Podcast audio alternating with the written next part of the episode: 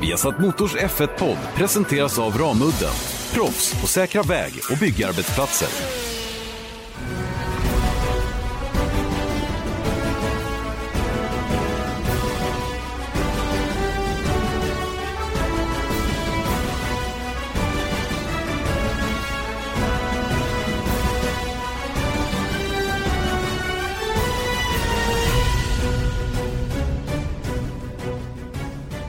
Ja, det är dags för eh, Viasat Motors Formel 1-podd igen. Mycket välkomna ska ni vara till den. Janne Blomqvist, Erik Stenborg så här eh, några dagar efter det att säsongen 2019 är avslutad. Och vi ska självklart prata sista racet för året. Vi ska titta in i kristallkulan. Vi ska ge lite tummar upp, tummar ner ifrån racet. Vi ska ge lite tummar upp, tummar ner över hela säsongen.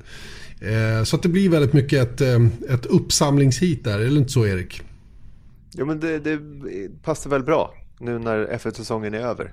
Tycker jag. Äntligen, höll jag på att säga. Men jag vet inte om jag håller med mig själv om den saken. Jag vet inte. Jo, men för min del är det nog äntligen. Jag tycker att eh, man kan koka soppa på en spik, vilket vi har gjort lite grann på slutet här, ett tag. Men sen behöver man en paus för att liksom börja om från början och, och bygga upp någonting starkt igen.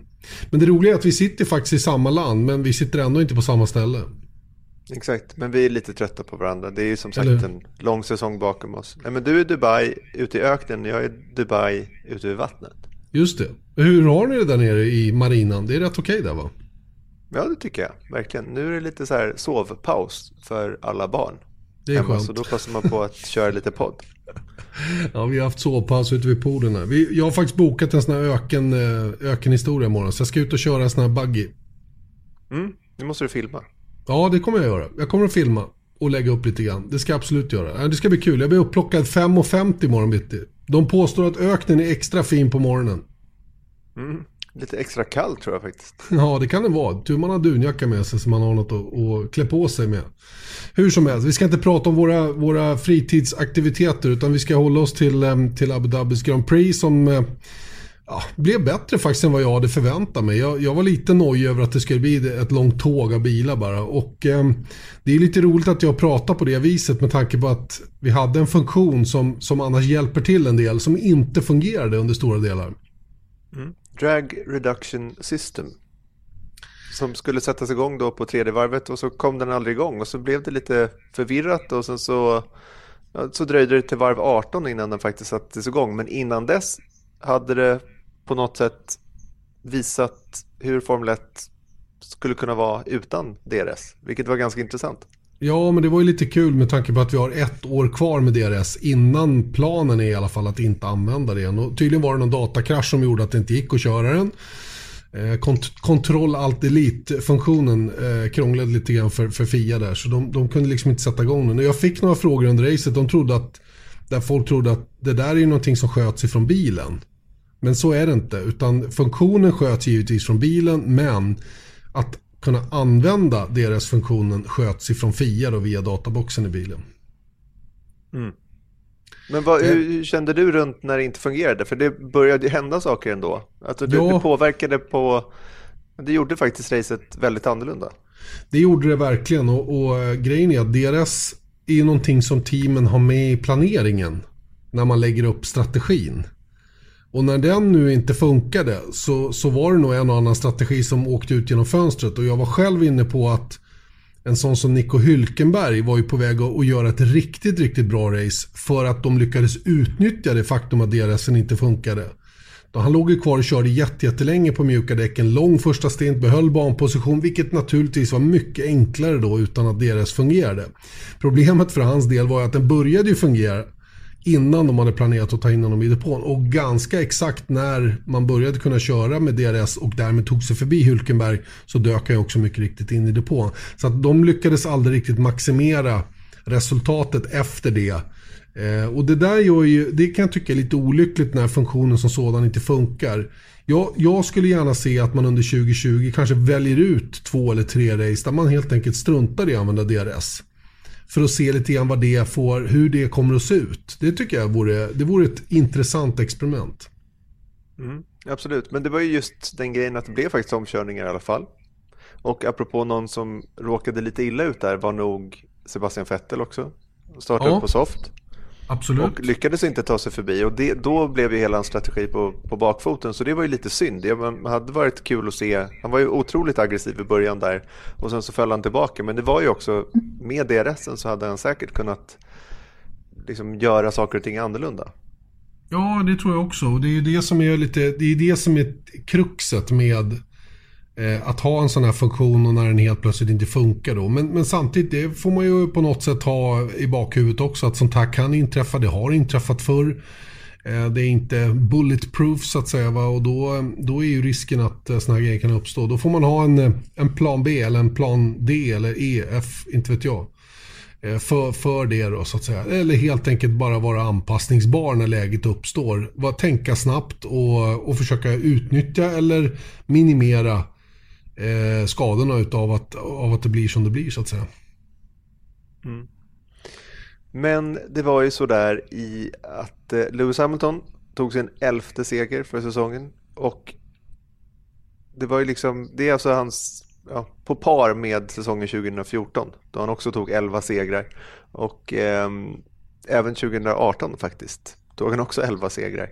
Eh, var det så nu att han, han vann ju från pole position, ledde varenda varv och var det så att han fick snabbaste varv också? Ja, då, det fick han. 39,2 på hårda däck dessutom. Han, var, han var fullständigt överlägsen skulle jag säga i Abu Dhabi. Det fanns ingen, fanns ingen chans att rubba honom. Och jag tror banne mig att han åkte också rätt mycket långsammare än vad han egentligen kunnat göra från sin tätposition. Det var den här, det var den här klassiska Mercedes Lewis Hamilton-dominansen vi såg igen för första gången på rätt länge, eller talat. Det var ju så länge sedan som Tysklands Grand Prix som, som Lewis Hamilton startade i pole position till att börja med. Så han har ju fått jaga en hel del under året. Alltså, och, och, och trots detta kunnat vinna VM tämligen övertygande. Va? Så att, jag tycker det här, var ett, eh, det här var ett eh, tydligt besked om att han långt ifrån har tappat sina förmågor och eh, när han får de här lägena, det är det här Formel 1 ska passa sig för. Att någon blir så här dominant så fort att den får starta längst fram. För så här hade, hade de haft en lite, lite bättre kvalbil från Mercedes i år, då hade vi varenda race sett ut så här. Mm. För så pass mycket bättre än konkurrenterna är deras racebil så att säga, va? även före Red Bulls. Mm. Och det här var alltså hans, eh, han, han kom ju i mål varenda race 2019. På poäng varje race 2019. Det var hans 33 eh, poängplats i rad. Och han tog alltså 413 poäng vilket är, de, det är rekord fem, i Formel Det är fem mer än han har tagit någon gång tidigare. Mm. Och han hade alltså utan det haveriet i Österrike förra året så kunde han ha haft 67 raka poängrivande race. Mm. Det är förkrossande statistik verkligen. Va? Och eh, det är inte bara Lewis Hamiltons förtjänst, men väldigt mycket är Lewis Hamiltons förtjänst. Men jag tycker att eh, det är ju hela paketets förtjänst att det ser ut på det viset. Och det är ingen annan förare i Mercedes som har haft den här statistiken. Va? Så man kan inte bara snacka om att han har bästa bilen. Det går inte. Det finns många som tycker att Valtteri Bottas är en superduktig förare, men han är inte lika bra som Lewis Hamilton. Så enkelt är det bara. Och det har bevisat sig ganska många gånger. Och jag tror, jag, tror, jag vet ju också hur den här sporten fungerar. Jag tror inte att Valtteri Bottas alla gånger har prioriterats. Självklart inte. Eftersom han inte har kunnat mäta sig med Lewis Hamilton så hamnar han förr eller senare i ett läge där de prioriterar annorlunda i lägen där det gynnar Lewis Hamilton så att säga. Va? Så, så att, eh, om vi räknar bort, eh, inte vet jag, åtta race under de åren som Lewis Hamilton och Bottas har kört tillsammans. Så är det ändå så att Lewis Hamilton är den starkare utav dem. Va? Och det, det, det blir ganska tydligt såna här gånger. Mm. Nu tycker jag Bottas ändå gjorde ett sjukt bra jobb. Startade sist, jag hade ingen DRS i ett kritiskt läge för honom och lyckas ändå bli fyra och på vippen att bli trea då om nu Fia hade bestämt sig för att diskvalificera Charles Leclerc då.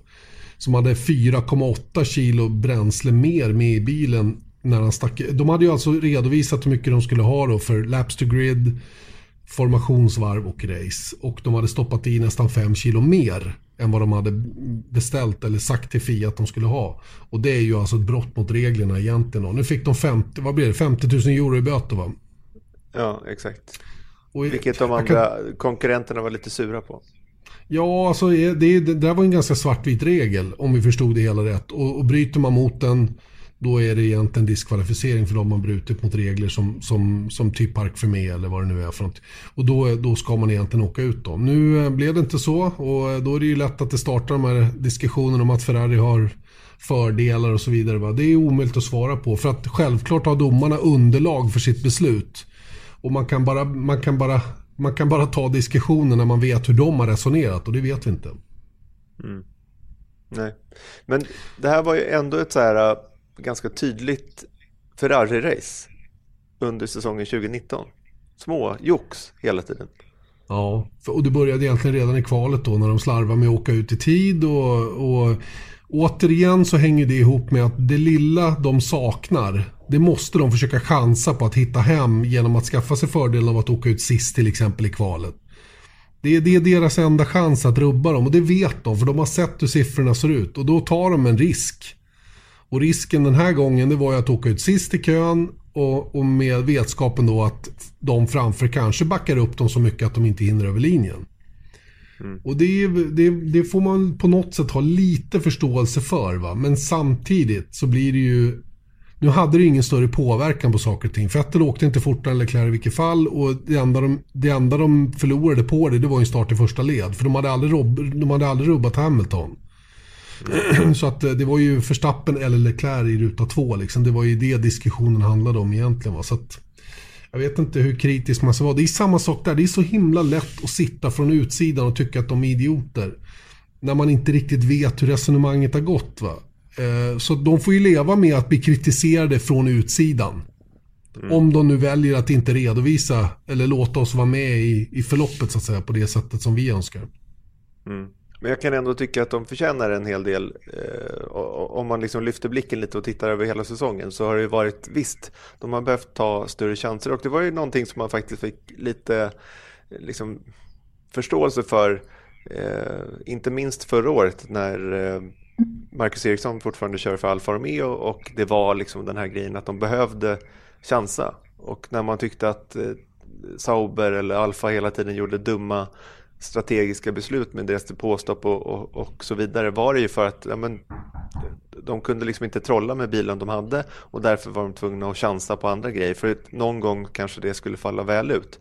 Det som jag tycker är skillnaden här med Ferrari är att de ändå har haft de har legat i vinnarhålet flera gånger under året och sen så sjabblat bort det därifrån. Mm. Ja, eller så är det... Ja, det där är ju svårt alltså. För jag tror ju fortfarande att det är så att de hade nog gärna vunnit de här gångerna och försökt liksom leva på den, den, den korrekta taktiken, strategin. Men bilen har inte varit tillräckligt snabb helt enkelt. Det är det som är problemet. Mm. Ja, i slutändan så är det ju alltid det. Ja, någonstans måste man kunna backa upp. Man måste, man måste komma... nu kommer de från room service här, så välkomna. Ja, titta här ja. Ja, men kom in. De får vara med i podden lite grann, mina, mina kompisar på hotellet där. Så, så, um, så löser det. Vad ska du äta? De fyller... Ja, jag vet inte. jag ska nog inte äta så mycket, jag är rädd. det är mer Jaha, de fyller på i minibaren. Fast det var, inte, det var inga alkoholhaltiga drycker. Nej, var mera vatten, det. det var mer vatten och så. Ja, exakt. exakt. Mm. Var var vi någonstans? Ferrari. Vi pratar Ferrari, någonstans. just det. Mm. De är ju som en avslagen, en avslagen öl. På något sätt. Mm. Efter i år. Nej, jag vet inte. Jag tycker det är för tidigt att, att djupanalysera det. Alltså, de, de har varit klantiga, jag kan hålla med om det. Va? Men jag har ändå viss förståelse för att det har varit lite som det har varit för deras del. För de har haft en målsättning högre än vad bilen har klarat. Och det har tvingat dem till knepiga beslut emellanåt. Det, är, det är den bistra sanningen tror jag. Mm. Men du, ska mm. vi hoppa över nu tänker jag på, så att det inte blir alldeles för mycket tummar upp och tummar ner. Så att ja. hoppar vi över den grejen runt Abu Dhabis Grand Prix och så, så, så tittar vi istället på VM-tabellen. Där är det 20 förare på olika positioner. Och så, ger vi, eh, så tittar vi på var och en av dem. Förare vi börjar med George förare. Russell. Ja, han hamnade ju längst bak i, i eh, årets mästerskap. Det var lite roligt för jag gick ner till frukost i morse och så såg jag ett bekant ansikte. Eller först och främst var jag på gymmet. Det låter jättekonstigt men jag var faktiskt det. och, och, rörde på mig lite grann i morse. Och eh, då var det en kille där inne, han stirrade som 17 på mig. Och jag tänkte inte så mycket på det. Han tyckte väl att jag såg vältränad ut, eller inte. Eh, hur som helst, när jag kommer ut och sätter mig vid frukostbordet så kommer det en ytterligare person med en liten, en ung, en ung, eh, det vill säga ett barn med sig. Och, och jag tänkte, gud, jaha, det där med ansiktet känner jag igen. Och så tittade jag en gång till och så tittade jag en tredje gång och så tänkte jag inte mer på det. Men så, så nej men det där känner jag igen, på riktigt. Och det var någonting med, ja, med miken och sådana grejer som, som fastnade hos mig. Och det visade sig vara Claire Williams. Mm -hmm. eh, och det var hennes man som hade glott på mig inne på gymmet. Då han jobbar ju också i Formel 1 så det var rätt uppenbart att han, åtminstone på samma sätt som jag, misstänkte att den här personen har jag, har jag nog sett förut. Eh, och eh, när vi då såg varandra vid frukostborden där så tror jag de, de insåg nog att jag var en journalist som, som jobbar i depån. Och, och, eh, men det var ju liksom inte så här, tjena tjena läget, utan tvärtom, det var väldigt eh, privat på alla sätt och vis. Mm.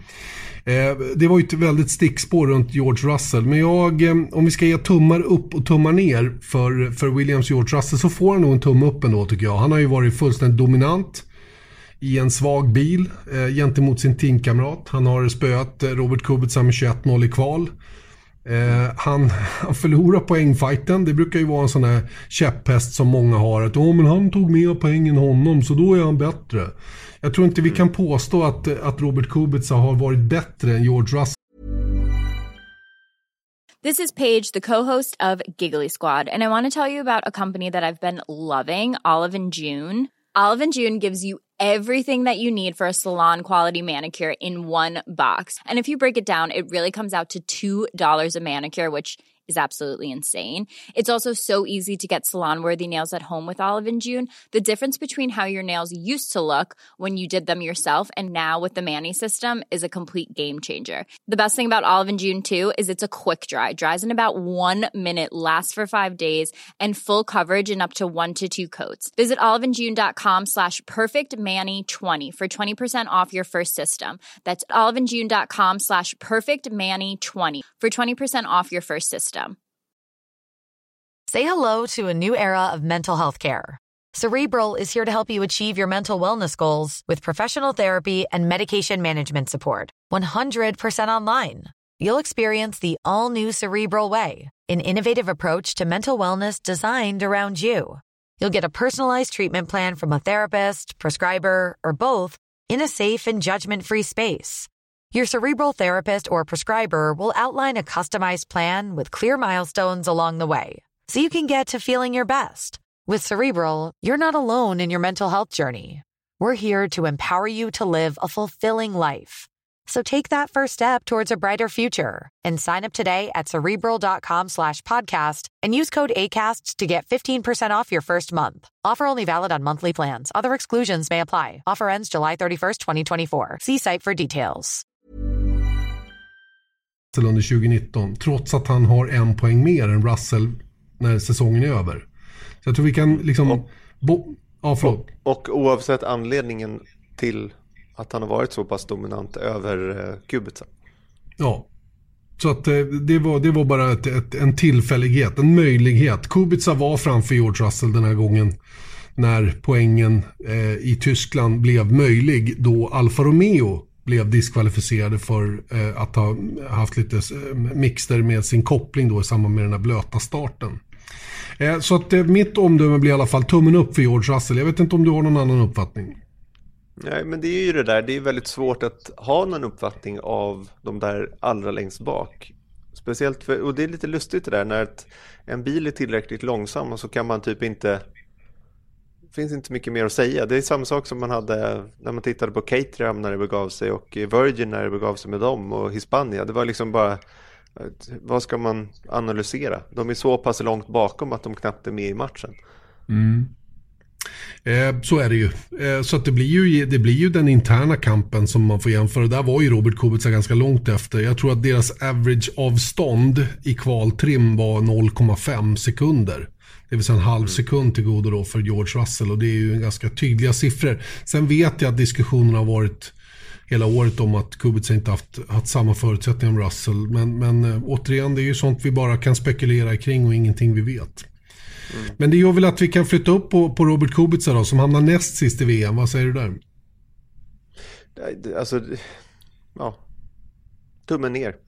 Det är liksom... Blir man slagen 21 gånger i rad i ett kval så, så är det kärvt att få något annat betyg. Eh, sen så tror jag att han har eh, värre saker att hantera än våra tummar upp och tummar ner. Men, eh, men, men, det var så synd för jag tyckte liksom det här är ju årets story. Det var ungefär nu som det faktiskt blev klart. Eller ja, det var ju inför helgen i Abu Dhabi förra året som de eh, släppte då att Robert Kubica skulle komma tillbaks äntligen då och det fanns ju tvivel runt honom, det har vi pratat mass, massor om eh, tidigare men jag hade ändå hoppats att det skulle vara mycket jämnare och så här, kul att se honom komma tillbaka. Sen så tror inte jag att han är besviken över att han tog chansen så att säga utan eh, på det stora hela. Jag tror att det var som en sån där som idrottsman ofta, idrottsmän och kvinnor ofta vill göra, att de vill liksom avsluta sin F1-karriär själva. Eh, och det kanske, jag hoppas att han känner att han fick göra det nu. Men det var ju sannerligen ingen liksom glad comeback. Nej, det blev ingen framgångssaga den vi alla hade hoppats skulle kunna bli. Men, men jag ger honom faktiskt tummen upp för att, han, för att han lyckades göra comeback. Han lyckades bevisa för alla att han klarade av att köra Formel 1-bil trots sitt, sitt, eh, sin svåra krasch. Eh, det handikapp han trots allt har och eh, det är lite så han har presenterat det själv. Eh, han har bevisat för alla att det gick att komma tillbaka till Formel 1 och det har han gjort. Han tog också teamets enda VM-poäng. Starkt jobbat i ett svårt race, mm. Tysklands Grand Prix. Eh, visst, han har inte hängt med George Russell eh, och jag får ju naturligtvis lov att väga in lite grann att det kanske har varit lite tveksamheter runt omkring teamets fairness mellan förarna då. Det har varit eh, incidenter runt året. Va? Så att, jag ger honom tummen upp för att han lyckades ta sig tillbaka till Formel 1 efter så lång tid och efter en sån svår skada. Eh, resultatmässigt hade han nog, och jag också önskat att det hade blivit bättre. Mm. Romain Grosjean? Ja, Eller vad, är svår. vi där? Ja, ja är vi, vi är. på 18 plats, Romain Grosjean. Och eh, ja, vad för 17 ska man säga om honom? Han är ju en lustig en figur alltså. alltså. Ja, han är en lustig figur. Det är en svår nöt att knäcka, Romain Grosjean. För hur 17 kan en kille som är så talangfull och snabb ändå hamna i så knepiga situationer hela tiden. Va? Och alltid bli som indragen i massa knepigheter på banan. Eh, jag vet att Dams som han körde för i GP2, de håller Romain Grosjean som den snabbaste föraren de någonsin haft i det där teamet, eller hittills. Eh, det finns ju möjligheter för dem att, eh, få, få snabbare förare framöver, men de, de rankar honom väldigt, väldigt högt. Romain Grosjean är en vindsnabb förare med rätt förutsättningar. Men någonstans på vägen så tappar han det där. Han tappar bort sig och det säger ju en del om, om vad som krävs för att köra Formel 1. Du kan inte bara vara snabb. Du måste ha alla andra detaljer ihop också. Det uppfattar jag inte att Romain Grosjean har. Så för mig får han faktiskt i år en tumme ner. Han har inte varit tillräckligt bra. Han, han är 12 poäng eh, bakom Kevin Magnussen i mästerskapet. Till deras försvar, både Kevin och Romance, så har de haft en jäkla svår bil att hantera i år. Men jag tycker att eh, de, de gångerna de gångerna han har haft ett hyfsat läge så har han inte lyckats kapitalisera på det, Romain Grosjean. Tyvärr för hans del. Så att för mig får han tummen i alla fall. Mm. Ja, men jag, jag håller verkligen med om den saken. Och då tycker jag att om man tittar på han, han har 12 poäng som du sa. Men om man ser på spridningen. Han är 12 poäng mindre och, och, och, Exakt, exakt. Så var det. Mm. 8 poäng. Om man tittar på spridningen där då så tog han en poäng i Spanien, en poäng i Monaco och sen så tog han sex poäng i Tyskland. Och i Tyskland mm. var ju en sån här avart. Ja. Eh, tittar man istället på Kevin Magnussen som vi kommer till kanske lite mer specifikt senare var att han tog åtta poäng i Australien, han tog sex poäng i Spanien, han tog eh, fyra poäng i Tyskland och han har tagit två poäng i Ryssland. Förstår? Att han, det var mer så här väl spridigt och när han väl tar poäng så tar han högre poäng eh, ja. än vad Grosjean Bättre. Gjorde. Bättre mm. kort och gott. Men innan vi kommer på Kevin eh, så ska vi klämma in italienaren Antonio Giovinazzi som är 17 i årets mästerskap. 14 inkörda poäng. Eh, mm. Jag tycker att han också faktiskt får en tumme ner av mig. Nu är det en debutsäsong i en bil som... Men problemet med, som jag har med Giovinazzi säsong är faktiskt att när bilen var någorlunda konkurrenskraftig så var han inte med överhuvudtaget. Hänger naturligtvis ihop med att han var ny in i år och det har varit svårt för honom att hantera däcken. Han har för dålig racecraft, vilket vi ofta ser hos de nykomlingar som kommer in i Formel 1. Det är svårt för dem att maximera materialet, att, att köra däcken på det sättet så man får med sig ett bra resultat. Giovinazzi har blivit bättre på det under året. Tagit 14 poäng. Ska jämföras då med Kimi Räikkönens 43, höjdpunkten givetvis då femteplatsen i Brasilien. Men i övrigt så har det varit någon enstaka ströpoäng och sådär. Det har inte riktigt gnistrat om Giovinazzi på det sättet som det borde ha gjort. Nu får han chansen ett andra år och nästa år då måste han se bättre ut tror jag för att kunna behålla sin plats i F1 efter 2020. Korrekt. Bra. Du har rätt, Janne. Ska vi fortsätta? Kevin Ja, Magnusson tycker då, som vi var inne på lite grann. Ger det tumme upp, det en tumme rakt åt sidan eller en tumme ner? Han får tummen upp, tycker jag faktiskt. Jag tycker ändå att när man vet lite om Kevin Magnusson, jag känner honom inte för fem öre, men han är ju en tjurig typ. Och då tycker jag ändå att bara det faktum att han inte varit så himla himla tju- tjurig i år och ändå tagit de där 20 poängen. Samma som hans startnummer är faktiskt. Har han inte det? Han är nummer Jo. 20. Jo, det är 20. Stämmer. Stämmer. Mm. Bara det får han en tumme upp för. Ja, eller hur? Ja, men det är kul med Kevin. Jag tycker att han, ehm, han sa till mig i, i, Abu Dhabi bland annat att han, eh, han, han har nog kört bättre än han har gjort tidigare. Han har gjort eh, personligen ett bättre jobb än kanske någon gång tidigare i Formel 1. Och det säger ju det säger en del tycker jag om eh, hur svårt de har haft i Haas till att börja med. Och hur han själv rankar sin prestation genom att hantera den här svåra bilen.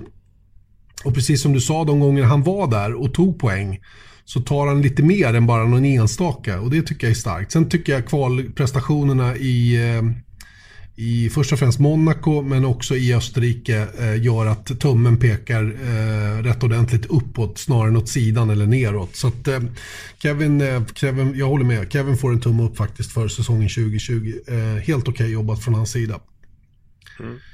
Lance Stroll får en tumme ner av mig för han kommer på 15 plats och samlade upp 21 poäng. Men det som är lite grejen med Lance Stroll är att om man ska jämföra honom med Sergio Perez, hans teamkompis i Racing Point, alltså, så har eh, Perez 52 poäng. Och då kan man tycka att ändå så här, okej, 21 poäng, det är ändå, ja, det är inte så, det är ganska, det är 21 poäng i alla fall. Men tar du bort Tyskland så kan du ta bort 12 poäng där som han tog. Eh, och då är det inte många poäng kvar, vilket gör då det faktum att Sergio Perez tog inte några poäng i Tyskland och ändå samlade upp 52 poäng. Det tycker jag säger allt i intrateamfighten där. Håller helt med dig. Stroll är... Stroll, ehm, alltså grejen är med Stroll är att han, han har en svaghet som är ganska avgörande. Han har svårt att kvala. Han var ju länge långt efter i kvalstatistiken. Han putsade till den lite grann på slutet. Han tog sig vidare från Q1 sent om sidor. Det tog ju lång tid bara det för Lance Stroll i år. Att komma, komma ur första kvalrundan så att säga. Va? När han väl gjorde det så tyckte jag det har sett bättre ut. Jag tycker han är en bättre racer än han är kvalare. Ett problem han har haft med sig hela vägen sedan han kom in i Formel 1. Jag tycker han är loj. Jag tycker han verkar ointresserad. Jag tycker eh, Lance Stroll är en, eh, en, eh, en, en utifrån mitt perspektiv, utan att jag känner honom en tråkig person att, att jobba emot. Han, han är, verkar inte där. Och det tror jag inte är gynnsamt heller för Lance Stroll. Han, måste, han är ju en, en rikemansson självklart, det vet ju alla om. Ehm, Men ibland undrar jag om det är han som vill vara i Formel 1 eller om det är pappan som vill att han är i Formel 1. Jag, jag, får inte riktigt, jag kan inte riktigt eh, få huvudet runt Lance Stroll som person. För om det är så fruktansvärt tråkigt att köra Formel 1 som han utger sig för, eller ser ut att tycka. Då borde han ju göra något annat. Herregud. Varför sitta där då? Då är det ju bättre att han hittar på någonting annat. Jag vet inte vad andra tycker om det. Men jag, jag det är ju samma med många av dem. Jag känner ju inte honom så. Men jag kan ju bara utgå ifrån den upplevelse som jag har haft runt honom. Och då tycker jag att det, det, det är någonting som inte stämmer där. Jag skulle säga så här att om, om ni funderar på det så här, tänk på hur många gånger Lance Stroll har varit med i våra eh, intervjupaket som vi ofta gör. Det är Exakt. väldigt, väldigt sällan. Och det är inte så här att vi sorterar bort folk för att de inte är underhållande, men han säger ingenting.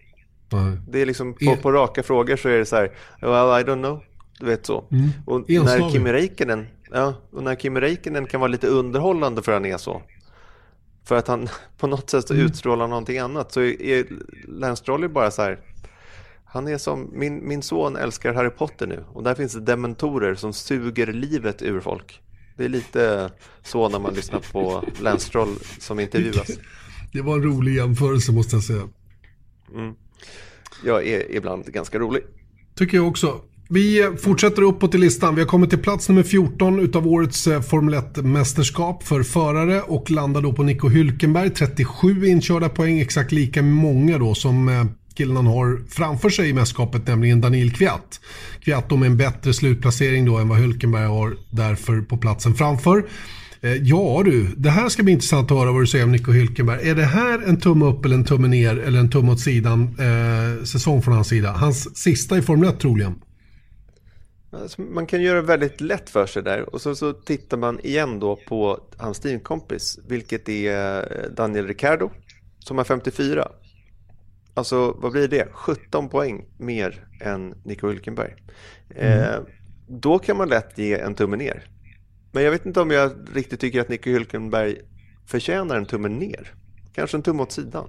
Ja, jag är nog, det, det håller jag nog med om. Tumme åt sidan snarare än tumme ner. För han har inte gjort något dåligt år och han är där uppe. När bilen tillåter det, då är han med där framme. Sen har kanske inte resultaten kommit. Det har varit teknikstrul och det har funnits lite av det ena och det andra. Men det har ju å andra sidan varit samma för Daniel Ricciardo. Så att eh, poängdiffen de har mellan sig, den, den speglar nog rätt mycket hur, hur det har sett ut internt i det där teamet. Och det är ju lite grann det här som gör att Nico Hülkenberg också får lämna tåget nu efter den här säsongen. Där Renault, när de har utvärderat en väldigt stark line-up och sett vad som finns tillgängligt på marknaden ändå går för att välja bort Nico Hülkenberg till förmån för Esteban Ocon. Hade Esteban Ocon inte funnits där och det hade varit kanske någon annan, inte, vem ska vi ta? Ja, jag vet inte, det är svårt att, att, att, välja något annat namn. Men låt säga att det var något annat namn där som inte var franskt och, och liksom så. Då tror jag Hülkenberg hade varit kvar 2020, men nu ryker han. Och, och um, det var som jag pratade med en person med god insikt här. Det är ju inte så himla många förare som har eh, bra, välbetalda kontrakt i Formel 1. De är typ fyra stycken. Alla andra tar med sig egna pengar. De fyra vet vi i princip vilka de är. Det är Hamilton, det är Verstappen, det är Vettel och det är, det är ehm, Daniel Ricciardo. Eh, och, och, i övrigt så får ju folk naturligtvis löner. En sån som Charles Leclerc får ju också lite lön. Men inte, inte, inte i den storleksordning som storfräsarna har. Och Ricardo... Eh, och nu, men nu pratar vi, vi måste nästan säga det att alla får ju lön av någon form ja, av ja, ja, själv, så att han, att han åker economy liksom. Utan, nej, nej, nej, men, men, men alla de andra... Det är inte på hundratals miljoner nivån liksom. Nej, men vad, vad, jag vill säga är att alla andra har med sig sponsorer som, som delvis täcker upp för det här. Eh, Nico Hülkenberg däremot, han är ju en av få som eh, kanske eh, han är undantaget som bekräftar regeln här. Han har ju inte det och han hade en bra, eh, ska vi kalla det för förhandlingssituation då under eh, för tre år sedan när han tog den här platsen. Eh, det har han inte längre. Och, och, även om man har försökt från hans management att få det att låta som att han var aktuell för, för, för Alfa Romeo till exempel så var han aldrig det. Inte överhuvudtaget. Det var inte ens nära. Mm. Och, och därför så, så står han nu utan en plats. Och han har dessutom, Hylkenberg tycker jag, uttryckt sig lite dumt kring alternativ. Han vill inte köra Indycar säger han va. Men sen när det börjar gå upp för honom att det kanske inte finns så mycket annat, ja då vill han det helt plötsligt. Han ville inte köra för Haas. Han tackade nej till Haas, begärde i alla fall en för stor lön som de inte kunde acceptera och det var ju mer eller mindre som att tacka nej. För han menar ju på att jag kan ju hugga i här för att får jag inte den här styrningen så spelar inte det någon roll för jag räknar med att kunna köra i Red Bull istället. Ja, Red Bull vill inte ha Hylkenberg. Så nu står han där utan och eh, han har inte gjort någon sån där säsong som heller gör att man gråter över att han försvinner. Det är skillnad om han hade varit som, som Carlos Sainz på sjätte plats i VM med nästan 100 inkörda poäng och inte få förlängt. Då hade tongångarna varit helt annorlunda. Nu har han 14 och Hülkenberg på 37 poäng. Mm, so what, hej då. Mm. Lite så känns det. Inte kul ja, naturligtvis. Men men... Mm. Han sprakar liksom inte. Han har inte sprakat Nej. i år. Exakt, exakt. Bra, bra, eh, bra, bra idé. Eller bra, bra eh, vad heter det? formulerat. Mm. Eh, den andra sprakfålen på samma poäng då. 13 plats, Daniel Kviat. Vad ger vi honom för dom? Jag tycker liksom inte att han, han skulle inte förtjäna en tumme ner där heller. Men det är, det är väl lite samma sak. Jag tycker han har inte heller sprakat, tycker inte jag. Det är liksom, han har gjort några riktigt bra race och bra kval och, och, och sådana där grejer. Men sen så har han också torpedat eh, Hylkenberg bland annat. Två race i rad och lite sånt Just. där. Det, det är liksom inte... Eh, han kom trea i Tyskland. Jag menar herregud, mm. det är ju hur coolt som helst. Men det hade jag ju inte gjort under normala omständigheter. Men Nej. det kan man ju inte hålla emot honom såklart, samtidigt som man gör det. Men, men eh, där tog han 15 poäng och ja, utan dem så hade han haft 22. Nej, men det är bra riktmärke det där, Tysklands Grand Prix. För, för det var ju ett väldigt, väldigt speciellt race. Och tar man bort det, det blir ju på något sätt ett offset-resultat. Ja, då blir det inte så mycket kvar där för Daniel Kviat. Mm. Om vi jämför med Hülkenberg då, som inte tog några poäng i Tyskland. Så, mm. så det, jag tycker det är faktiskt en relevant jämförelse du gör där. Jag håller med. Tumme som, som är åt sidan men pekar snett neråt. Mm. Eh, faktiskt. faktiskt. Mm. 12 blev Kimi Räikkönen, 43 inkörda poäng. Ska då jämföras med Antonio Giovinazzi på 14 då, som hamnade 17. Kimi Räikkönen då för Alfa Romeo. Jag måste säga att Kimi får faktiskt en tumme upp av mig. Tum, tummen upp får han för första halvan, för sin attityd Eh, Eh, och engagemang och för att han faktiskt klarade av att gå från ett toppteam ner i ett mittfältsteam utan att totalt krokna. Sen har ju bilen varit eh, inte till belåtenhet efter sommaruppehållet men det kan du inte skylla för Kimi Räikkönen för. Och att mot bakgrund av det då ta så mycket poäng som 43 om vi jämför till exempel med Nico Hülkenberg på 37 så har ju Kimi kört betydligt sämre material och ändå tagit 43 poäng. Och det blir ännu tydligare när vi jämför med nästa kille på listan nämligen Lando Norris, att Kimi Räikkönen ska ha en tumme upp tycker jag. För han har trots allt kört Alfa Romeo som blir åtta i, i märkes-VM och dragit in så mycket mm. som 43 poäng. Så för mig är Kimi definitivt en tumme upp. Mm. Ja, men jag tycker det är runt hela approachen också. För att vid det här laget förra året så var man också lite så här, ja men han kanske kommer till Alfa Romeo och liksom ställer in skorna lite grann och sen så får han se hur kul det är. Men jag tycker om det är något man inte behöver tvivla på är det att han har motivation nog att köra Formel 1. Exakt så. Exakt, jag håller helt med. Helt och hållet med. Så en klar tumme upp då för Kim Räikkönen. Och nästa gubbe då, Lando Norris, elfte plats i VM. Hade ju på vippen kunnat tagit, eh, kunnat tagit Sergio Perez som tionde platsen också, men blev ju omkörd av Perez där på slutet av racet. Eh, Lando Norris eh, har en position i VM som inte riktigt speglar hans fart i år tycker jag. Och eh, det gör honom lite svårbedömd. 49 poäng på elfte plats. Jag tror att vi alla gärna vill ge honom en klockren tumme upp. Mm. Va, vad säger du? Jag gör det, absolut. Sen så tycker jag att han har ju, liksom, det finns ganska tydliga förbättringspunkter. Men det som är grejen med Lando Norris är att han, det är han själv som säger att han har det också. Så mm. han är, han är liksom, man tycker att eh, Ricardo han är så himla rolig och skön och allting sånt där. Men jag tycker att Lando Norris är en ny typ av Formel 1-förare överlag. Dels att han är öppen, han är glad, han är liksom eh, men han verkar trivas något enormt med att köra Formel 1 tycker jag. Och dessutom så verkar han så himla ärlig i sättet att uttrycka sig. Att när det är så här, mm. vad har du eh, du ställde frågan till honom, eller mm. tittarna ställde frågan till honom i Brasilien och han, han radar upp tre stycken klockrena grejer som säger så här att ja, men det är inte bara en sak jag måste förbättra mig. Jag tycker kvalen, jag måste göra det här, jag måste vara lite bättre i race-situationer, jag måste vara bättre på att läsa racen strategiskt. Ehm, och jag menar, det är i F1-sammanhang ganska nytt att han är rookie trots allt och har liksom landat så väl hos fans och hos teamet. Eh, jag tycker det är en 49 poäng eller ej, så en klockren tumme upp. Ja, tumme upp blir det från min sida också, Lennon Norris, framförallt för sin kvalfart. Eh, visar, visar samma tendenser som alla de andra nykomlingarna. Det här med att maximera racen. Eh, precis som du var inne på. Och Det har han själv varit inne på också. Jag tycker standouten har ju varit finalracet inte minst. Där Lando Norris var väldigt, väldigt stark. Eh, men, mm, ja. Han, eh, han, eh, han är en ny typ av förare i Formel 1 som vi kommer att eh, njuta av under många år hoppas jag. Han är ju en, han är en kille som man nästan får känsla av tillhör oss. Förstår du? Vi på andra sidan. Han, är, han, han lever inte det här storfräsarstjärne. Han går inte runt och är dryg och har en attityd utan han är tvärtom.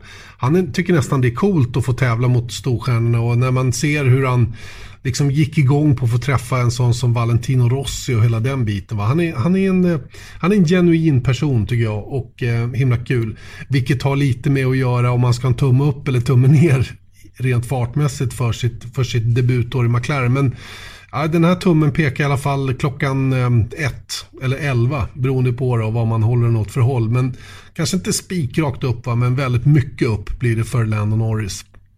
Mm. Jag tycker han, det som står ut för mig var att han kom faktiskt sexa i Bahrain. Eh, hans andra race i Formel 1.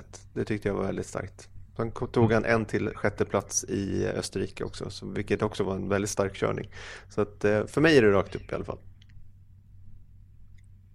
Du lyssnar till Viasat Motors Formel 1-podd. Vi håller ju på att dela ut tummar upp och ner, kanske åt sidan också för förarna då. Men inte sett till det senaste racet utan mer sett till den gångna säsongen som nu alltså är slut. Janne Blomqvist, Erik Stenborg. Vi har eh, kommit till övre halvan utav tabellen. Vi landar på Sergio Perez, Erik, med eh, 52 poäng. Han har han 10 i årets VM för Racing Point. Han är två bakom Daniel Ricciardo. Han är tre framför Lando Norris. Vad säger vi om Perez säsong? Ja, vi var inne på honom lite grann tidigare och trots att han har då tagit 52 poäng och han är bara två poäng bakom Ricardo som du precis sa så tycker jag att han har liksom gått väldigt mycket under radarn. Jag vet inte, jag har liksom inget intryck av honom under 2019. Jag minns ingenting som han har gjort förutom då att köra om eh, Landon Norris där i, i slutet av racet i Abu Dhabi. På något sätt så har jag Ja, exakt. Ja, men jag, han är inte riktigt... Det är ju jag, det är mitt problem. Men, mm. men jag, han har inte riktigt synts.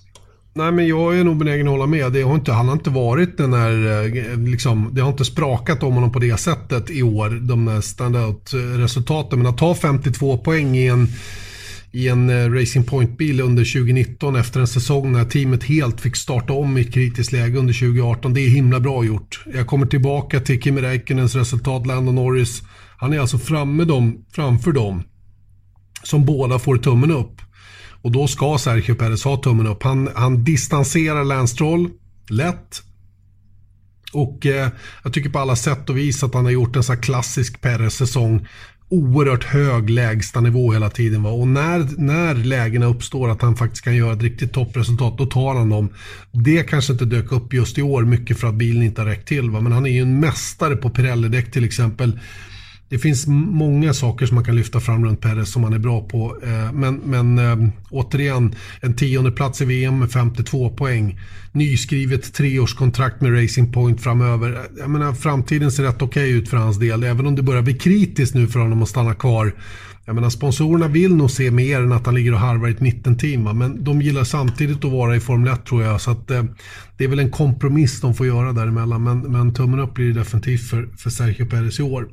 En nia blir Daniel Ricciardo i en Renault. Eh, klart mer poäng då än sin teamkamrat. Hülkenberg hade alltså 37. Daniel Ricciardo kör upp 54. Eh, gick ju från en, eh, från en bra position då i Red Bull då. Eh, många överraskade över detta när han bestämde sig för att flytta till Renault. Fick ju en jättelön, samma lön som han begärde av Red Bull och som var på samma nivå då som, eh, som Max Verstappens. Fick den inte, valde då att gå till Renault som, som snabbt sa att kom till oss så ger vi dig de här pengarna. Eh, hade lite inkörningsproblem tycker jag i början. Eh, kom överens med Renault-bilen som var annorlunda Red Bull-bilen men eh, när han väl kom överens med den så lyckades han ju inte bara kvala bättre än, än Nico Hülkenberg utan vara bättre generellt i teamet. Det borde väl ändå generera en tumme upp, vad säger du? Ja, jag, jag tycker inte den är spikrakt upp dock. Jag tycker eh, om man tittar på var han tog poäng någonstans så var det i Italien så kom han fyra, tog 12 poäng där. Och sen så hade han tre bra race i Mexiko, USA och Brasilien där han, där han kom åtta, sexa och sexa. Ut, och jag menar bara där har han ju, det är 32 poäng av de eh,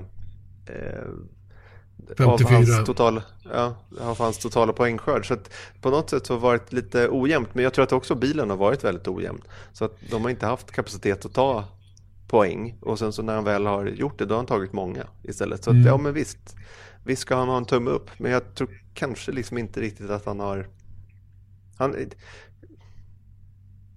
jag vet inte. Jag vet inte. ja, men den är i alla fall norrut, inte söderut. Till Nej, största delen. nordväst. Ja. Mm. Bra. Daniel Ricciardo blir alltså nio i VM. Nu kommer vi till två sjukt intressanta affärer. Det här är ju riktigt spännande faktiskt när vi ska börja analysera Alexander Albon. Som alltså börjar som Toro Rosso-förare, avslutar som Red Bull-förare. Och han är precis bakom Pierre Gasly som börjar som Red Bull-förare, avslutar som Toro Rosso-förare. Och skillnaden dem i poängmässigt efter eh, 21 körda race i tre poäng. Vem är bättre av de här två egentligen och vem ska ha den där platsen i Red Bull? Vi vet ju hur Red Bull har resonerat och vad de har bestämt. Men ska man hålla med om det verkligen? Alexander Albon blir åtta i VM med 92 inkörda poäng. Eh, tumme upp eller tumme ner? Ja du, där, eh, vad säger du till att börja med? jag tycker man kan göra det enkelt för sig om man bara tittar på att, att köra Red Bull borde vara en större möjlighet att ta poäng än att köra Toro Rosso. Mm. Och Albon har färre race i Red Bull än vad Gasly fick. Och har bara tre poäng bakom i VM. Så att rent statistiskt sett så har Albon varit bättre. Och sen så om man tittar på Red Bullen så har han ju absolut kunnat hantera den bättre. Trots att han inte heller har liksom skickat på några sensationsresultat alla förstappen. Jag menar han har ju legat runt femma, sexa liksom. Eh, allt som oftast. Men trots det så har han varit han har inte alls varit lika skakig som, som Gasly var i Red Bull. Så det är väl ett sätt att se, se på det. Sen så har ju Gasly varit långt mycket bättre än vad Albon var i Toro Rosso tycker jag. Mm. Men det är intressant det du säger där, för jag, jag är, du pekar på de viktiga sakerna. Jag tycker Albon som, som eh, var på väg att bli tvåa till exempel i Brasilien, det hade gett honom 18 poäng istället för noll.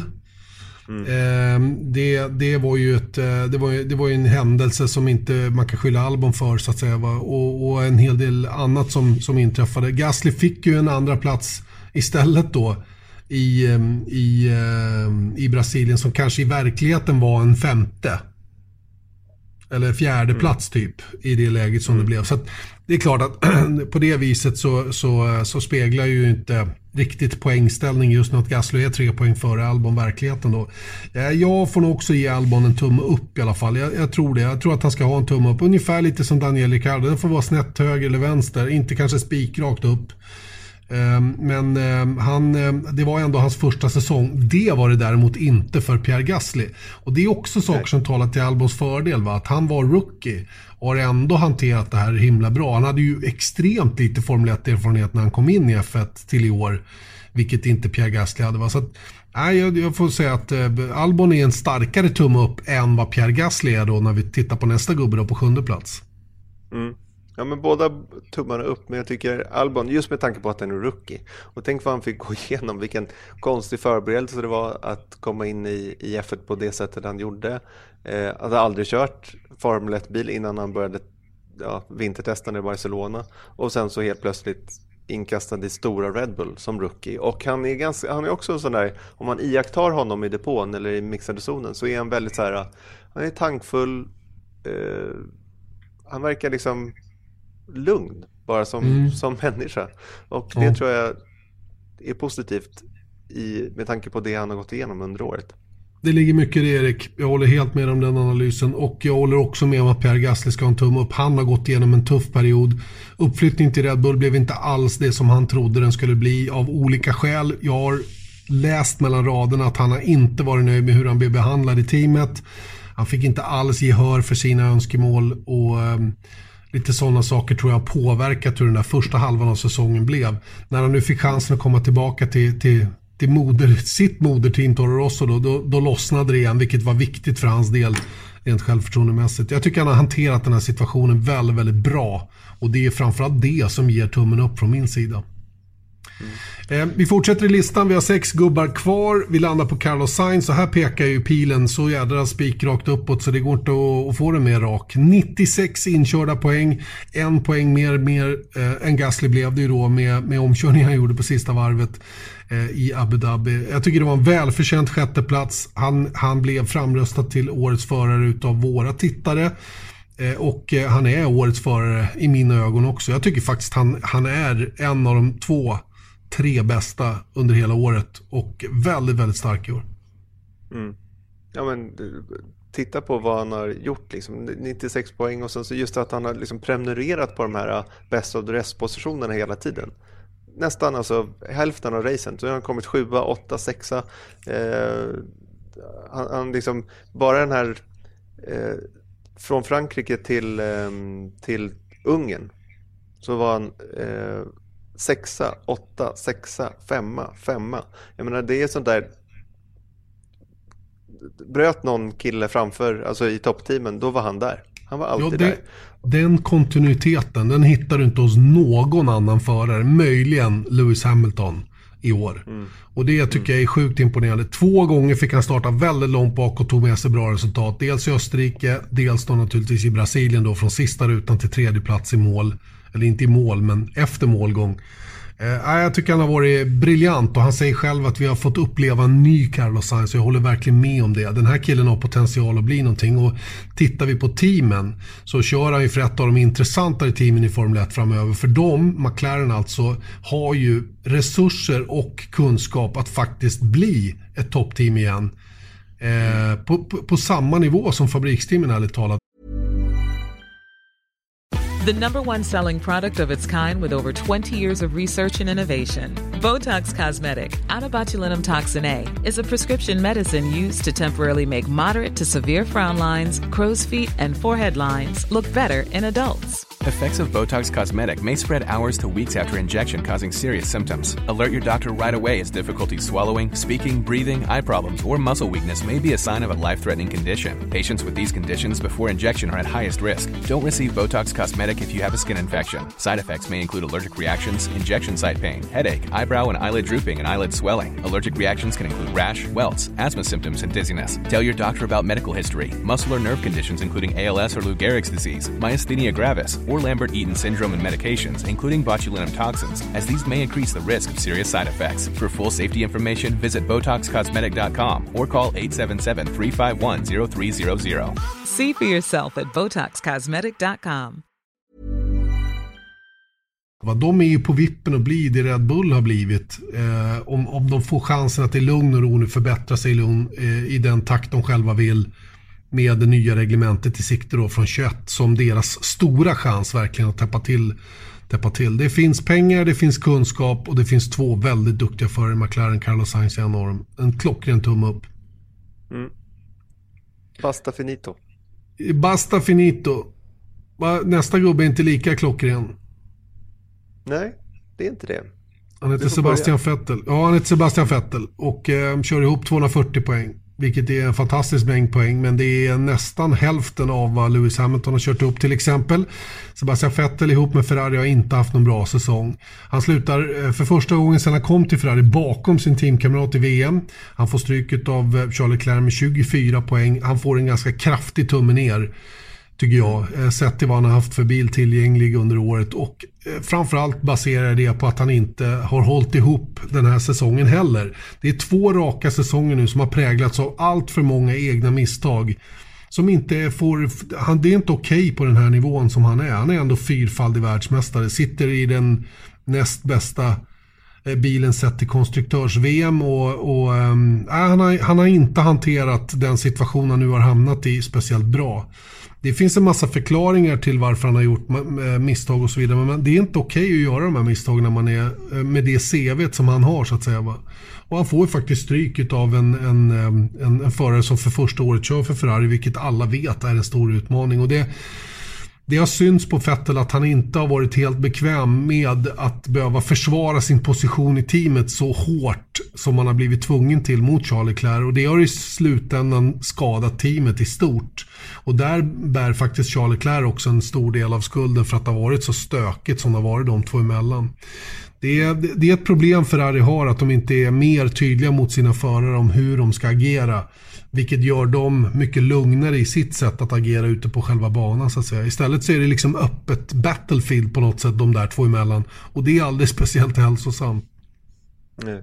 Nej men jag tycker liksom bara, bara det faktum att han är sist i Formel 1-VM om man väljer att se det så. Om man ser att det, det sägs ju så lite skämtsamt att mittfältet och bakåt det heter Formel 1 och ett halvt. Eh, då är han ju sist i Formel 1. Mm. Och, och det ska, okej. det, nej, det är faktiskt inte det. Nej. Nej, det är en, tumme ner. Klar tumme ner för eh, Sebastian Vettel. Charles Leclerc då. Eh, första året i Ferrari, 264 poäng, blir fyra, vilket givetvis är det bästa han har gjort. Någon gång tidigare, efter bara ett år tidigare då i F1 med Alfa Romeo året innan. Då teamkamrat med Marcus Eriksson. Eh, väldigt stark teamkamrat. Eh, tar flest pole position under 2019. Slår Sebastian Vettel både i, pole, eller i kvalfighten och i, eh, i poängställningen då. Eh, Det, alla de där eh, statistiska grejerna borde väl rendera en tumme upp, eller vad säger du? Det borde det göra, men sen så är det väl den där grejen att jag, jag tycker inte att han har varit ofelbar. Eh, vilket man inte kanske kan förvänta sig i- förvisso då. Men, men Eller heller begära. Nej. Eh, jo, det är klart att han ska ha en tumme upp. Men jag tycker med tanke på vissa saker han har gjort tycker jag gör att tummen lutar lite åt sidan. Mm. Inte helt åt sidan, men bara lite grann. Lite, liten krökning sådär. Mm, nej, men jag håller helt med dig Erik. Du är så du är bra fingertoppskänsla där. För att det har varit grejer som inte är hundraprocentiga från Charles Leclerc. Han har inte... Han är inte på toppen alltid. Han har inte kontroll över eh, hur bilen ska köras för att maximera resultatet alla gånger. Han har ju självklart haft en del otur också. Han hade, eh, ja, mindre gott omdöme kan jag tycka i Brasilien som gör att de faktiskt kraschar båda bilar, eller kraschar men de får bryta båda två. Han var i, i allra högsta grad inblandad i varför det blev som det blev. Sen, sen var det inte han som initierade situationen på ett sätt va? men det hjälper inte. Han måste tänka ett steg till och det gjorde han inte den gången. Och det blev på bekostnad av teamet. Sånt gillar aldrig ett team på den här nivån i Formel 1. Så att några små grejer tycker jag drar ner betyget men, men, men eh, precis som du säger, vi självklart pekar tummen uppåt. Eh, han slutar i, i VM då eh, 14 poäng bakom Max Verstappen som blir trea. Red Bull Racings Max Verstappen, eh, en tredje plats 278 inkörda poäng. Eh, tagit sin första pole position under året. det har ju dröjt kan man tycka eh, för Max Verstappen att klara av det. Eh, Verstappen har varit otroligt stark. Det här är det inte så mycket att snacka om. Den här tummen är också spikrakt uppåt på ungefär samma sätt som Carlos Sainz. Jag, Verstappen hade några han hade några små tendenser att bli den inom citat, gamla Verstappen här, men tog sig snabbt ur det också. Verkar lyssna på omgivningen om hur han ska agera. Eh, mognat som förare och, och em, i år så är det ju mer bilen som har begränsat honom än tvärtom. Mm. Nej, jag håller med. Jag tycker faktiskt att eh, det Verstappen har gjort får mig att tycka om honom bättre på något sätt. För han är fortfarande samma lite halvtrista person. Jag tycker bara hans uppenbar, alltså om jag går på lite så här äh, andra värden än det man kanske ska titta på, talang på banan, så tycker jag att liksom på något sätt så nu kan han backa upp den där lite arroganta stilen han har. För att när det går bra på banan så får man lite leeway från min sida i alla fall. Ja, men det, det kan jag hålla med om. Man kan inte vara stödd utan att ha täckning för det. Så enkelt är det. Och det har han varit. Han har varit lite för kaxig innan. Nu eh, har eh, det- det kommit in lite ödmjukhet i det hela också. Han är fortfarande kaxig och kan vara kaxig också. Men han har samtidigt blivit lite, jag tycker, smartare i sina uttalanden många gånger. Eh, som har blivit lite rundare än den där vassa, aggressiva attacken. Eh, det var något tillfälle i år nu som jag inte kommer ihåg när jag tyckte han betedde sig eh, märkligt på, på presskonferensen efteråt. Det var...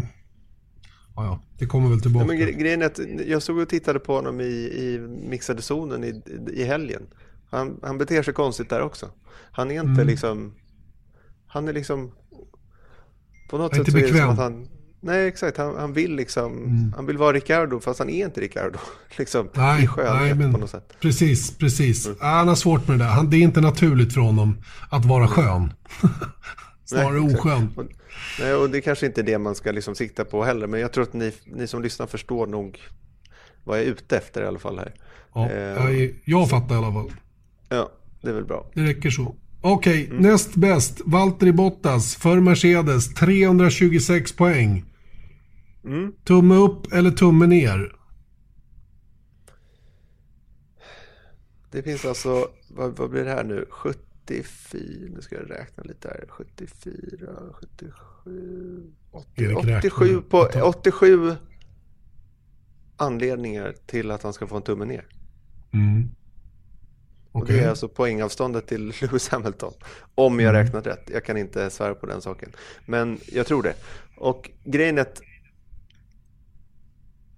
det är svårt att jämföras med Lewis Hamilton. Det, det är självklart. Men jag tycker inte att han har... Han har blixtrat till ibland. Men det är just den här han har inte varit konsistent kom... nog. Precis, Erik. Det är precis det det handlar om. Den kontinuitet vi belyste runt Carlos Sainz, det är den man saknar hos Valtteri Bottas. Det räcker inte att vara enstaka gånger snabb för att få toppbetyg. Man måste vara snabb hela tiden. Mm. Det är ingenting att säga om överhuvudtaget att få stryka Lewis Hamilton. Det får 18 av 20 förare i Formel 1 får stryket av Lewis Hamilton, vill jag hävda. Mm. Men, men, men ibland så, så, ehm, så känner jag att Valtteri Bottas eh, inte riktigt är där.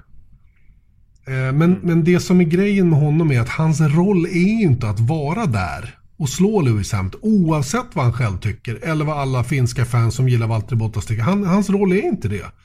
Hans roll är att backa upp Lewis Hamilton. Punkt slut. Han är anställd för att göra det. Han får behålla sin plats för att göra det. Det är bara så. Sen, sen kommer han själv aldrig att vilja att det är så. Och jag tror inte att någon ifrån Mercedes kommer att gå ut och säga att det är så. Men det är så tydligt att det är på det viset. Och det är det som har gett den harmonin som saknas i, i Ferrari till exempel. Det är ju för att det är precis på det här viset. Och bilen är tillräckligt bra för att Valtteri Bottas ändå med god marginal ska säkra andra platsen i VM. Det är skitbra gjort. Han ska ha en ruggig tumme upp bara av den anledningen tycker jag. Att han är den där föraren som på något sätt ändå håller ihop trots rätt många besvikelser. Men han, han har ju i praktik i flera år sedan han kom till Mercedes har han ju bara raceat Lewis Hamilton. Mm. Det är inte många som fixar det och kan slå Lewis Hamilton. Vilket betyder att han går ifrån varje säsong som en förlorare. Vilket är orättvist, för det är inte så. Mm. Han drar ett, ett enormt lass i Mercedes framgångar och ska ha cred för det. Men vi måste också vara ärliga kring Valtteri Bottas kapacitet. Den är precis perfekt för vad Mercedes vill ha och får. Han levererar enligt kravspecen. Han belönas med ett års nytt kontrakt hela tiden, vilket jag kan tycka är snålt av Merca. Men det har hängt ihop med lite grann Esteban och Con, eh, processen runt honom och hela den biten. Va? Och där har ju Wolf uppenbart värderat Bottas högt och låtit honom stanna kvar. Åtminstone fram till det här till det här eh, vad heter det, eh, reglementet tar slut och vi får ett nytt reglemente från 21. För då vet vi inte heller vad som händer med Lewis Hamilton. Nej. Du, det där var så väl formulerat så att jag, jag säger ingenting mer. Jag tycker det var jätte, precis så jag tänker också. Gött, gött. Vi är alltid överens nästan. Mm. en gubbe kvar då. Den kan ju du få ta hand om eller inleda då med. 413 poäng blev det till slut för Lewis Hamilton. Sex VM-titlar har han nu. 11 segrar alltså. Eh, det är ju en fantastisk, fantastisk prestation som han har åstadkommit. Mm. I all den här dominansen som Mercedes har levererat och främst eh, genom Lewis Hamilton genom åren, sedan 2014 alltså, så, så var det ändå en säsong som vi gick in i och trodde att nu kommer Mercedes bli utmanade av, av eh, Ferrari och kanske att de till och med är på bakfoten. Och istället då så blir det tvärtom. Det blir hans mest dominanta säsong sen turboeran startade. Jag tycker liksom... Jag har liksom slut på... Superlativ. Ja exakt, det är svårt att, svårt att säga något mer liksom. För det, det är samtidigt den där grejen att om man bara tittar på våra eh, Viasat Motor Awards då, som vi körde. att Mm. Uppenbarligen så, liksom, så landar inte det här väl och jag känner ju såklart också, jag är inte dummare än jag också skulle hellre vilja se en fight in på målsnöret mellan Hamilton och Vettel eller Leclerc eller Verstappen. Men det blir inte så för att han är för jävla bra. Mm. Det är liksom, någonstans är det så. Och Mercedes då såklart. Men än en gång, jämförelse med Bottas som inte är en dålig förare är totalt avhängd. Jag menar, det är extraordinärt. Tyvärr. Ja, ja det, du, nu är jag lika rörande enig med dig i det här avseendet som du var med mig alldeles nyss. Det är ju precis så det är. Mm. Och, det, och det, just, just att bli, att vara extra dominant ett år där de egentligen kanske inte har hela paketet på sin sida. Säger väl en del om hur, hur han har liksom grävt ännu djupare, tagit i ännu hårdare eh, och varit ännu noggrannare. Bara de här experimenterande racen på sluten tycker jag var intressant att se hur han faktiskt kollar lite grann på saker som de säkert har diskuterat under året men ännu inte riktigt vågat använda sig av. Mm. Och nu när de fick chansen att göra det så testade de och eh, det var ju eh, hyfsad payoff i alla fall. Eh, det var väl det var lite sloppy det som hände i Brasilien va? men det var ju också liksom så här, vi kollar, vi kollar. Och mm. ser vad som händer. Och då tänker jag inte på själva omkörningsförsöket. Det var ju mera, det var ju en opportunity som, som Albon bjöd på som inte gick hem. Utan mm. det var ju bara liksom en, en race, en race-grej. Men, men, men allt i övrigt där, där de eh, laborerade med, med setuper och hur de skulle approacha racet och alla de här bitarna. Så att, eh, för de, de har ju helt klart inte haft den snabbaste bilen. Sen har ju de här tekniska direktiven på slutet uppenbart hämmat Ferrari en hel del och vi får väl se lite grann vad som kommer att hända med det där till nästa år. Men för efter det att Red Bull började rota i det här så har ju Ferrari inte varit i närheten av lika dominant när det gäller motorkraft. Nej. Så att det är väl rätt uppenbart att det där hade avsedd effekt. Och det där är lite så här om vi nu släpper de här tummarna och tittar lite framåt, det som komma skall 2020, så är mm. ju det här det mest oroande tycker jag. att På samma sätt som man kände så lite go i kroppen, att ja, men nu är Ferrari på väg upp, de har ett annat koncept, de är sjukt snabba på rakan, nu har de den starkaste motorn, nu ska de bara sortera ut bilen också. Så, så kommer allting vara liksom en hejdundrande fight 2020. När det nu händer allt det här med eh, i varje fall ifrågasättandet av deras motor och lite så här äh, andra bekymmer. Ja, då, då blir jag lite så här, äh, kristallkulan ser kanske inte... Äh, Den ser inte röd ut. Nej, inte om man värderar eh, fighter mellan Mercedes och Ferrari i alla fall. Nej, men å andra sidan så ska vi inte skena händelserna i förväg. De har ju rätt många månader på sig och vi har ju sett att de, de har ju rätt bra möjlighet att, att eh, komma tillbaka om det skulle behövas eller, eller fixa till saker som har hänt och allt vad det nu är. Det är klart att det här var en setback för Ferrari, ingen tvekan om den saken. Och jag menar, ingen, vare sig Ferrari eller Mercedes kommer ju göra några stora förändringar på sina koncept till nästa år. Det kan jag inte tänka mig. Jag tror inte heller att Red Bull kommer att göra det. Man kommer att jobba vidare på det man har nu och sen så kommer man att försöka att liksom maximera det här sista året. Eh, för att sen lägga allt krut på 2021.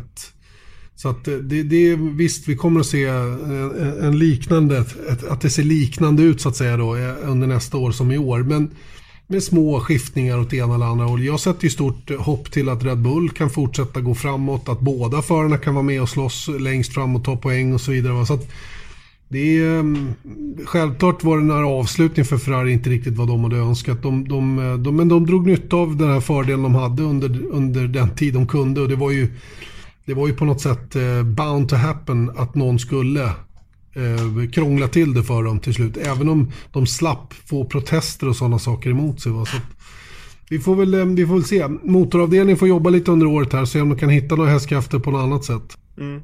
Ha det jättebra. Detsamma. Hej då. Hej då. Vi har satt Motors F1-podd presenteras av Ramudden. Proffs på säkra väg och byggarbetsplatser.